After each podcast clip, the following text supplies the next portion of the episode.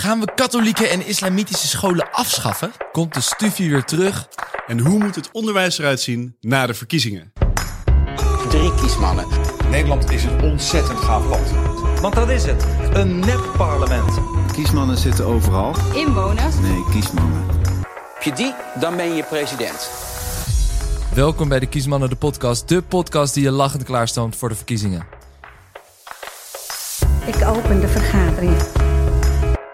En ik geef nu het woord aan. Dylan. Hey jongens, goed om jullie weer te zien. Ik zie ook wel een beetje moe gezichten, moet ik zeggen. Ja, walletjes onder de ogen. Walletjes onder de Ja, ja. ogen. We zijn eh, kapot, want we hebben net een prachtige show achter de rug. De Nationale Verkiezingsshow zit erop. En eh, ja, ik hoop dat de, de luisteraars er ook een beetje van genoten hebben. Eh, die 36 de luisteraars die hem ook gezien hebben. Ik ben heel benieuwd hoe zij hem vonden. Ehm, maar jongens, eh, ja, het zit erop eigenlijk. Ons grote moment, denk ik, eh, van deze verkiezingen. Wat was jullie hoogtepunt?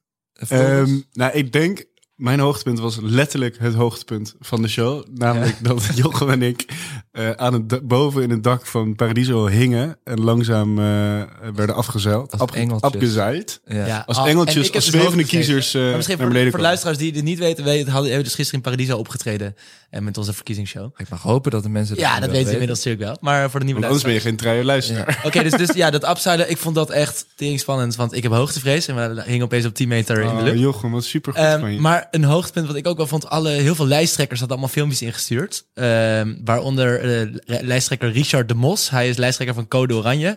En dat is echt zo'n Haagse gozer. En dat, ik kom zelf uit Den Haag natuurlijk. Ik vond dat zo, hij had zo'n grappig filmpje. Dat was wel een beetje mijn hoogtepunt. Eh, en sowieso leuk dat al die luistera- dus lijsttrekkers jouw toch, eh, hoogtepunt was eigenlijk iets wat niet van de show was. wat jullie niet deden. Nou, hij zat er wel in. Hij zat er wel in. Maar goed. Ja, jij zat er Anyway, ook en wel in. even Ja. jouw deel?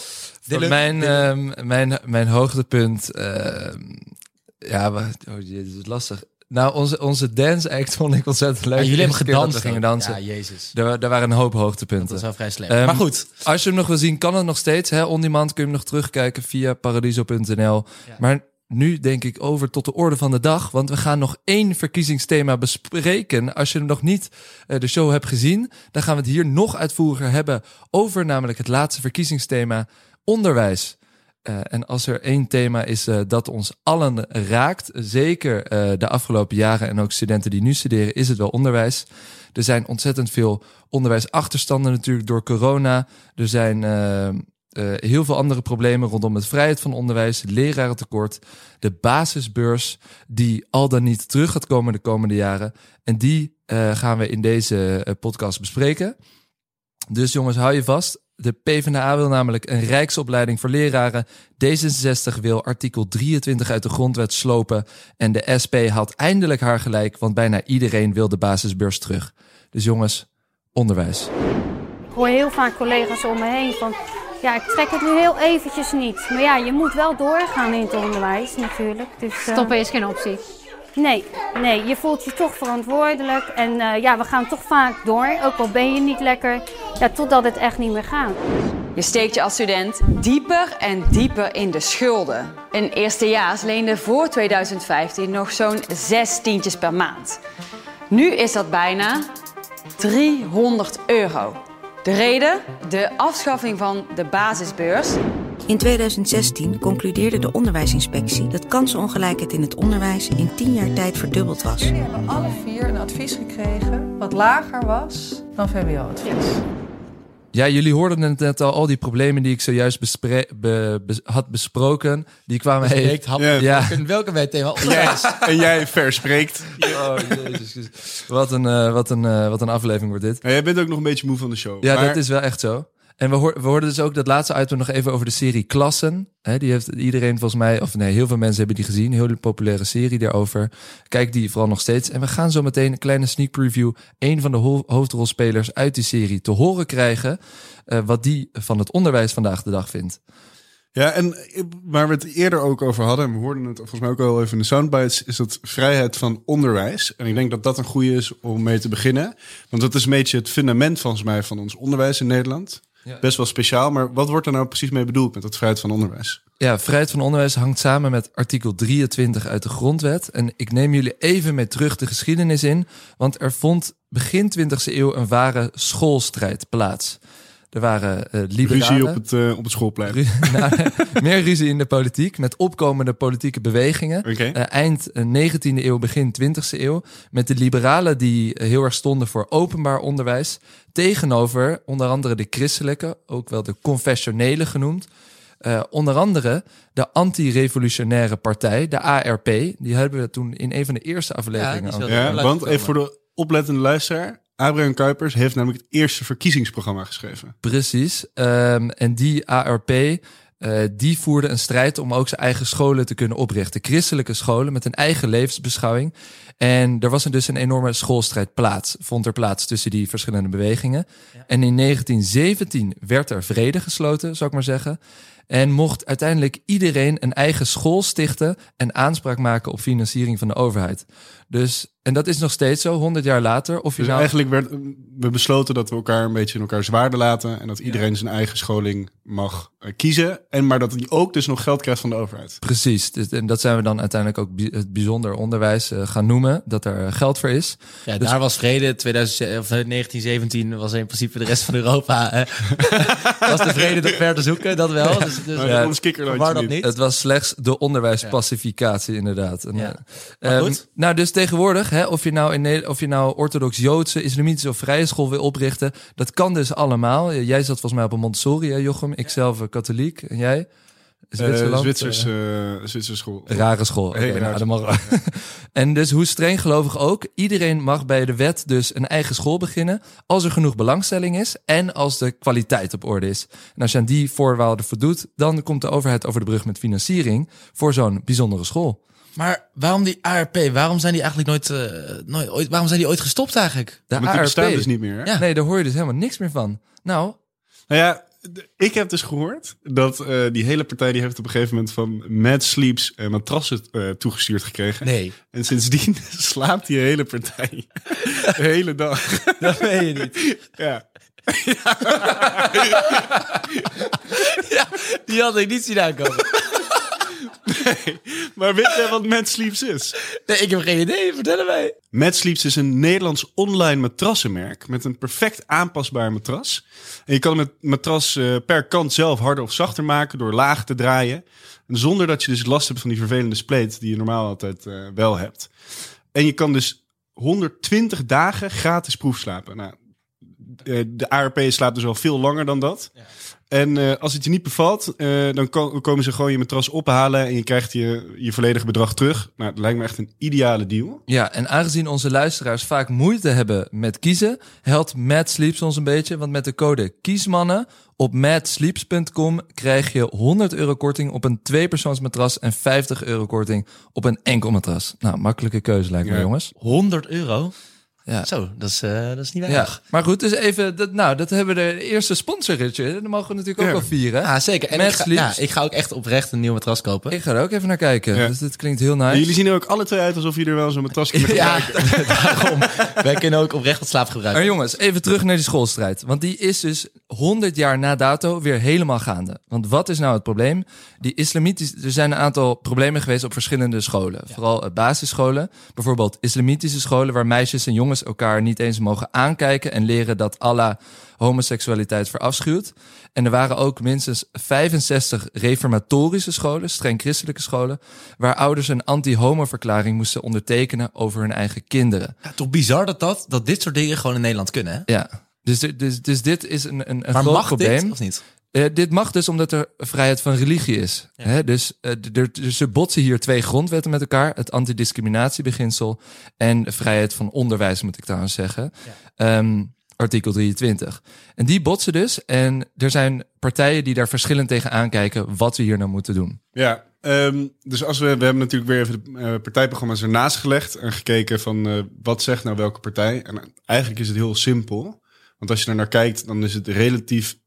Ja, kan je eigenlijk al wel verwachten welke partij nou bijvoorbeeld voor dat vrijheid van onderwijs is. Dat zijn natuurlijk een beetje de religieuze partijen. Christ, ja, dus christelijke CDA, ChristenUnie. Ja, maar bijvoorbeeld ook Denk. Eh, ja. En misschien de, de minder verwachte eh, partijen zijn bijvoorbeeld ook eh, PVV en Vorm voor Democratie. Die willen ook vasthouden aan het vrijheid van onderwijs. Vinden dat super belangrijk. Vinden het ook iets echt typisch Nederlands. Dat je dus zelf mag kiezen. En aan de andere kant eigenlijk de circulaire meerderheid die zegt nou, we moeten af van eh, het vrijheid van onderwijs zoals het nu in de grondwet staat. We moeten het moderniseren. Eh, denk bijvoorbeeld aan nou, partijen van VVD tot, tot SP. Ehm, En ik zag zelfs dat sommige partijen dus ook de grondwet willen veranderen. Maar dat kan natuurlijk dus wel echt jaren duren. ja, dat kan heel eh, lang duren. Maar, maar hoe stelt zo'n zo'n SP bijvoorbeeld? Wil die dan meer naar een Frans model? Dat we dus allemaal letterlijk precies dezelfde vakken krijgen. Precies de, dezelfde leerstof eh, voorgeschoteld krijgen. Dus dat er geen katholieke scholen of Ja, geen godsdienstige katholiek, scholen geen überhaupt meer bestaan. Nou, het liefste wel, maar ze willen in ieder geval eh, een acceptatieplicht. Dus dat, je dat iedere, elke school bijvoorbeeld, wat er inderdaad gebeurd is met dat anti, eh anti Homo-verklaring. homo-verklaring inderdaad, daar ging het over. Ehm, Dat die ja. niet meer ondertekend mogen worden. Dat- Nee, want dat betekent gewoon letterlijk dat je dus mensen ge- eh, discrimineert op basis van hun seksuele voorkeur. Ja. En dat is nou net onze eerste eh, artikel van onze grondwet. En die moet eigenlijk boven alles uitkomen. Oké, dus hier zit een beetje tweesplitsing tussen waarvan eh, katholieke en, en christelijke partijen die zeggen eh, die vrijheid die we in Nederland hebben om je eigen school op te richten, eh, eh, om dat zelf in te vullen, eh, dat, dat moet blijven. En eh, meer linksere partijen die zeggen over het algemeen nee, we moeten daar veel strenger op toezien.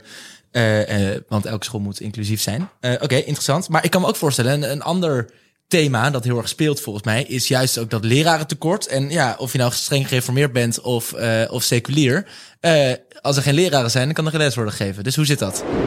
Ik weet bijvoorbeeld voor volgende week niet of ik woensdag of vrijdag überhaupt wel school krijg. Je weet niet eens of je wel school krijgt. Ja. Wat is dat eigenlijk, een juf of een meester? Want er is een groot lerarentekort in het basisonderwijs. Hoe erg is het? De nood is hoog, erg hoog. Het aantal onbevoegden voor de klas neemt noodgedwongen toe. Schooldirecteuren staan met hun rug tegen de muur. Ja, jullie hoorden het al. eh, er is een, een enorm lerarentekort. En er liggen verschillende oorzaken achter. Maar wij denken natuurlijk vooral in oplossingen. Eh, wat willen die verschillende partijen nou met dat lerarentekort? En eh, om daarachter te komen, of eigenlijk een voorzetje te geven daarop, hebben we een van de hoofdrolspelers van de serie Klassen gevraagd. Tevens wethouder van onderwijs in Amsterdam namens de PvdA, Marjolein Moorman. Hoe zij tegen dat lerarentekort aankijkt en wat zij voorstelt om te gaan doen.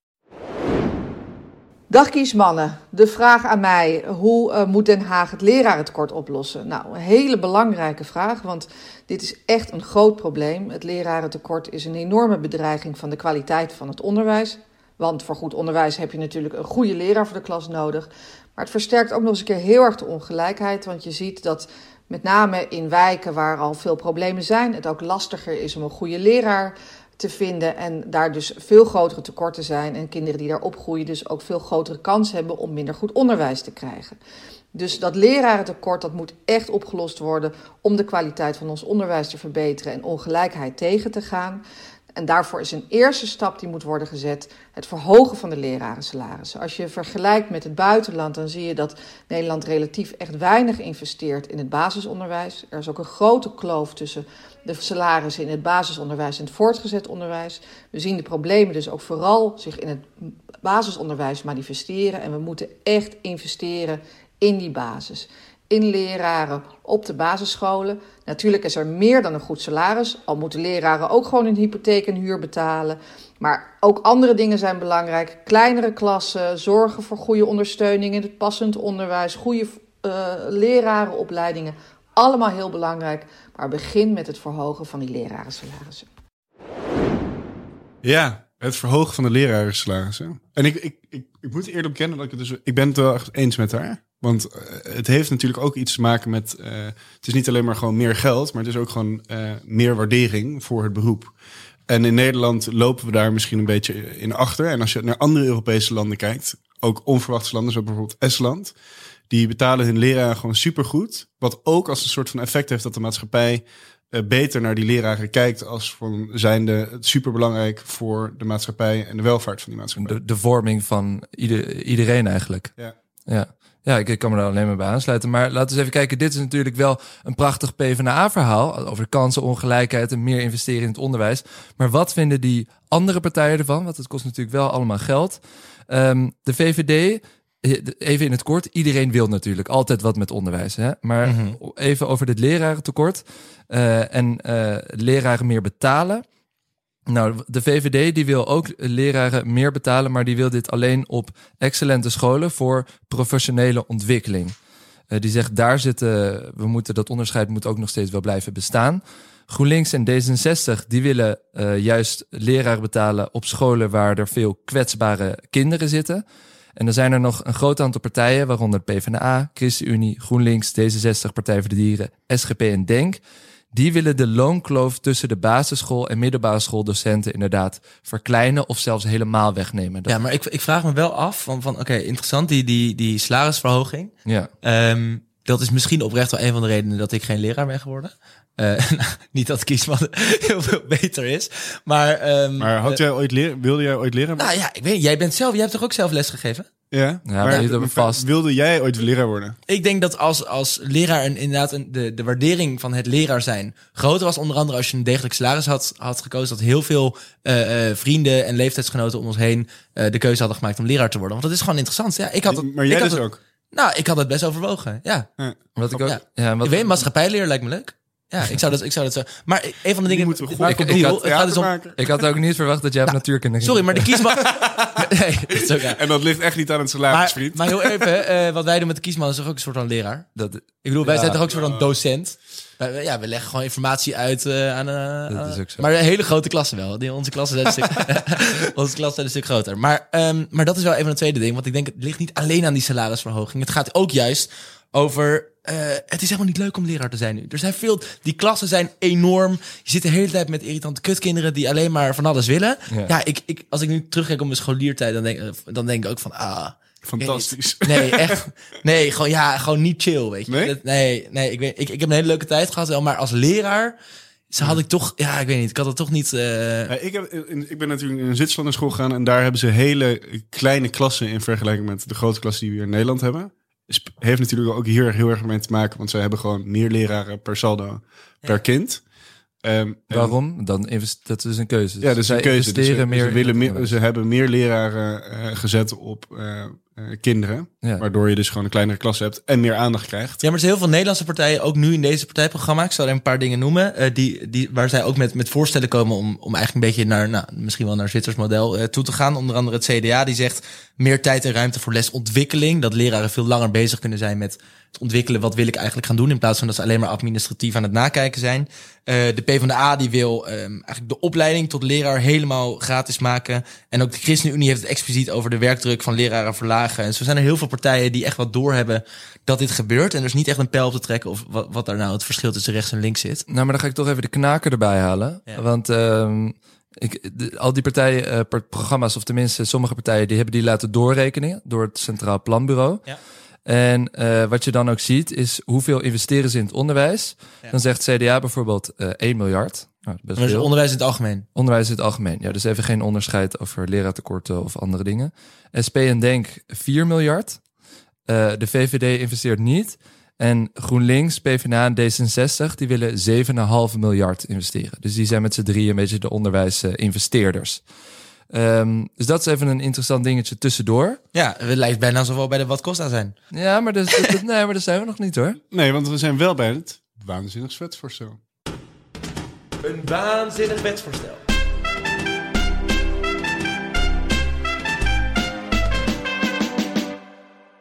Ja, jongens, ik heb toch alweer een heel eh, waanzinnig wetsvoorstel. Al zeg ik het zelf. Een weekje zo voor de verkiezingen. Ik hoorde namelijk Rutte twee weken geleden in een interviewtje te zeggen met eh, BN De Stem.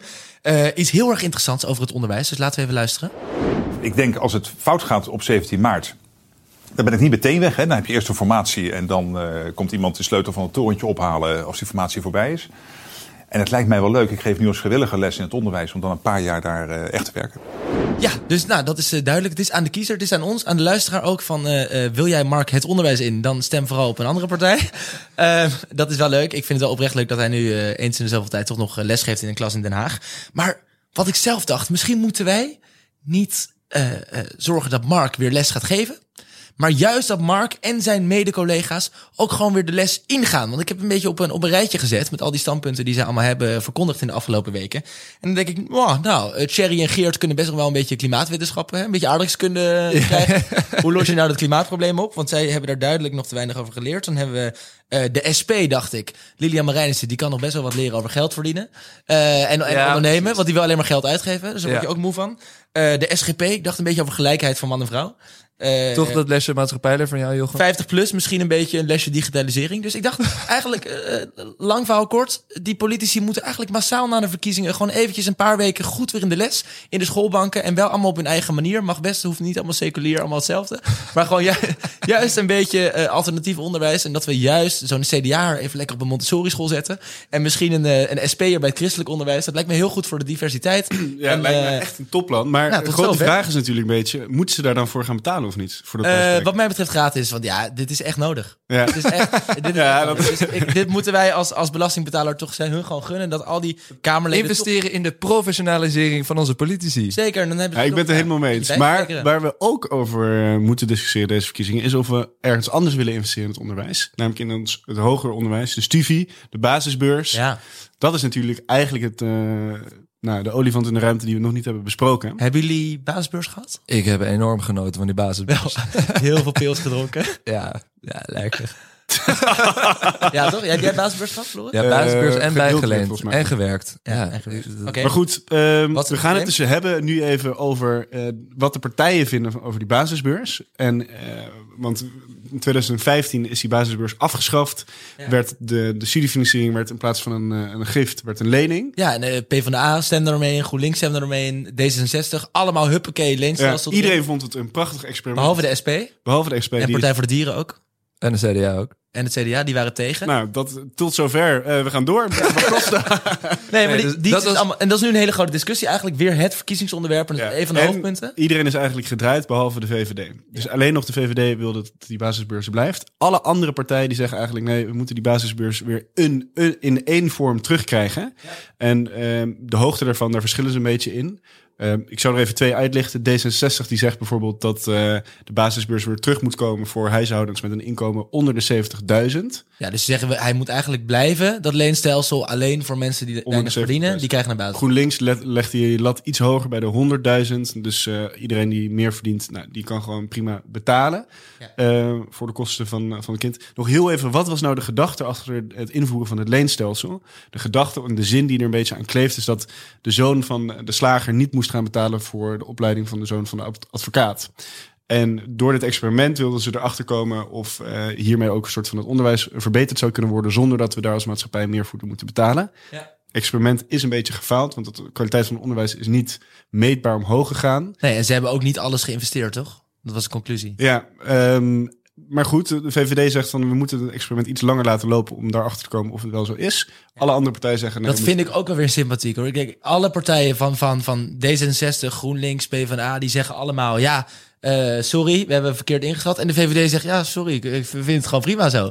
Eh, die, zijn, die houden wel gewoon, eh, ja, die houden wel Goed gewoon stand. stuk. Ja, Ja. goed bij stuk. Die- is natuurlijk makkelijk praten nu dat jij niet meer studeert. ja, ja, dat is ook waar.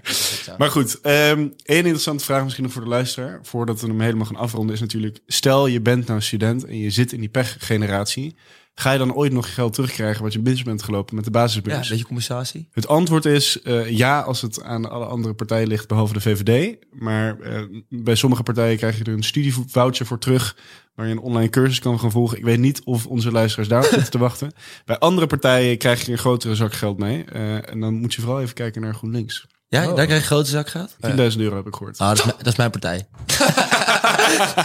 Zo egoïstisch weer gedacht. Ah, En de ene keer, de ene keer, de ene, Jochem. de ene keer is het de VVD, de Maar krijgt keer iedereen, het want, 10.000. want 10.000, van dat links. weet ik, want het alleen pas als je 18 bent, maar we zijn, we zijn die leeftijd al voorbij. Dus niet Ja, maar zij gebruiken dat argument, die 10.000 euro voor elke 18-jarige, Oh, ja. ook voor die studenten. Die zijn En met dat, Prima. petje, met dat petje kom je er nog wel vooraf. Ja, goed, dat is 10.000 euro. Maar jongens- Volgens mij wordt het tijd voor een beetje kosten. Precies, precies. Dus ik zou zeggen, wat kost dat sociaal leenstelsel? Het is een hele mooie begroting geworden. En ik, eh, ik kijk er zeer naar uit om zo meteen aan de Kamer te gaan aanbieden. Wat kost dat? En eigenlijk de grote vraag, wat heeft het ons opgeleverd? Hè, dat sociaal leenstelsel, Floris noemde het al, het is een experiment. Ehm, onder de streep, het is eigenlijk vrij dramatisch, heeft dat zo'n 0 euro opgeleverd in 2019, twee jaar geleden. Want naarmate meer mensen gaan afstuderen, zal er wel meer geld vrijkomen. Maar toch, daarom zegt de VVD ook, we moeten dat experiment nog even aanhouden.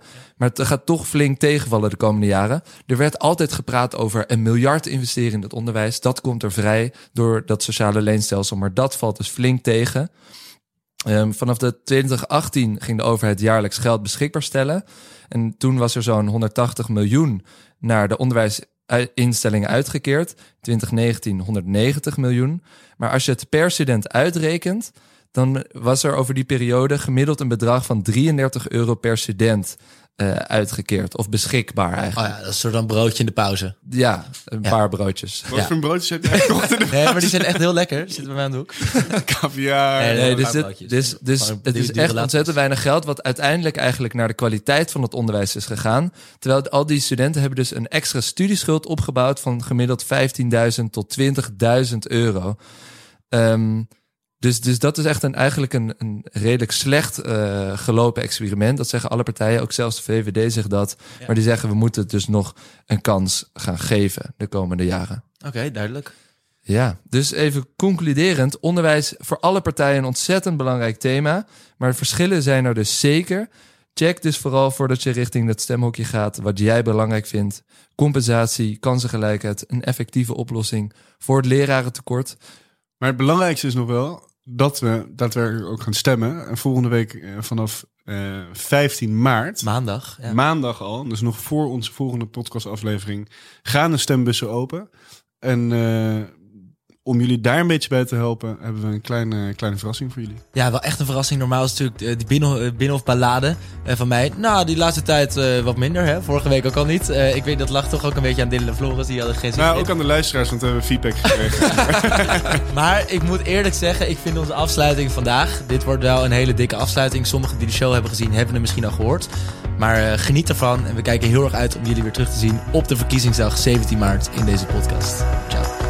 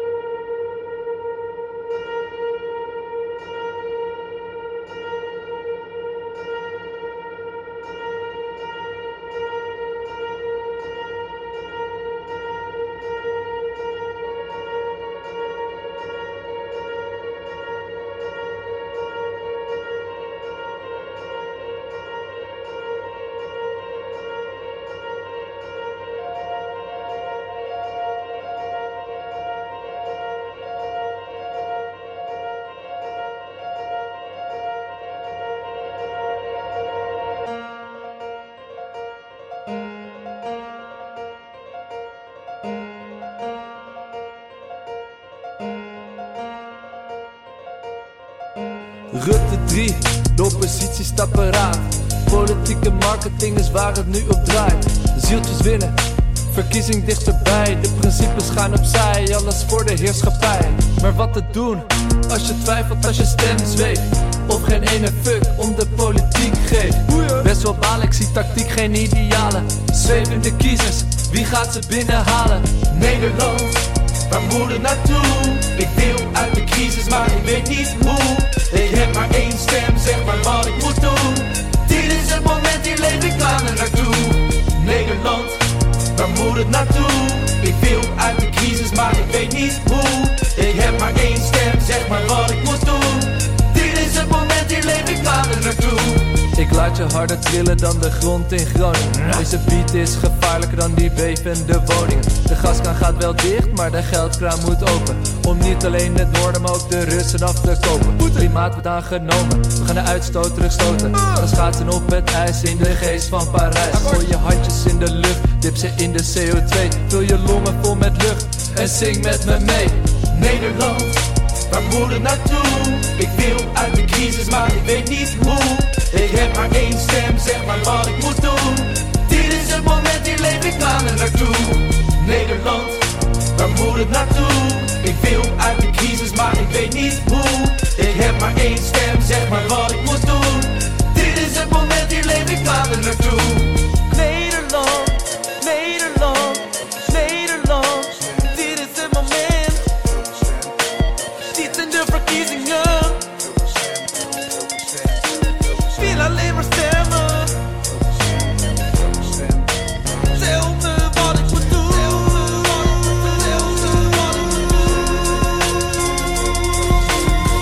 Kernstralen dicht, kolenstralen dicht. Clubs blijven dicht en de bars nog steeds dicht. Corona is een klap voor de ouderen en de jongeren. Zit door de lockdown met mentaal te verhongeren. Mark Rutte, al tien jaar laissez-faire. Maar zelfs de VVD zegt de vrije markt gaat nu te ver. Nederland een gaaf land, maar verrot van binnen. Die shit moet anders, maar waar moet je beginnen? Moeten we naar links, recht door zee of toch naar rechts? Zweef er lekker tussen, Zeg wat is het best? Nederland, waar moet het naartoe? Ik viel uit de crisis, maar ik weet niet hoe. Ik heb maar één stem, zeg maar wat ik moet doen. Dit is het moment, hier leef ik maanden naartoe. Nederland, waar moet het naartoe? Ik viel uit de crisis, maar ik weet niet hoe. Ik heb maar één stem, zeg maar wat ik moet doen. Dit is het moment, hier leef ik maanden naartoe.